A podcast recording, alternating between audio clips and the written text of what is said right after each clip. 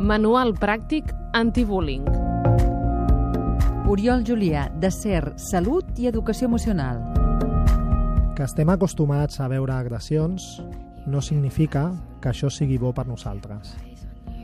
És possible que en ambients acadèmics estiguem molt acostumats a veure el tonto o a escoltar el tonto, a sentir insults que no aturem perquè veiem que és el dia a dia.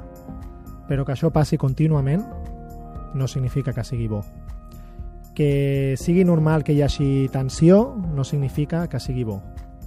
És important que ens adonem que la violència sempre ens porta a una situació de malestar i és important que treballem amb els nostres infants i amb els nostres joves, que veixin que un programa de televisió que es parlen amb violència és només espectacle, que això traduït en el nostre dia a dia no ens comportarà cap benestar.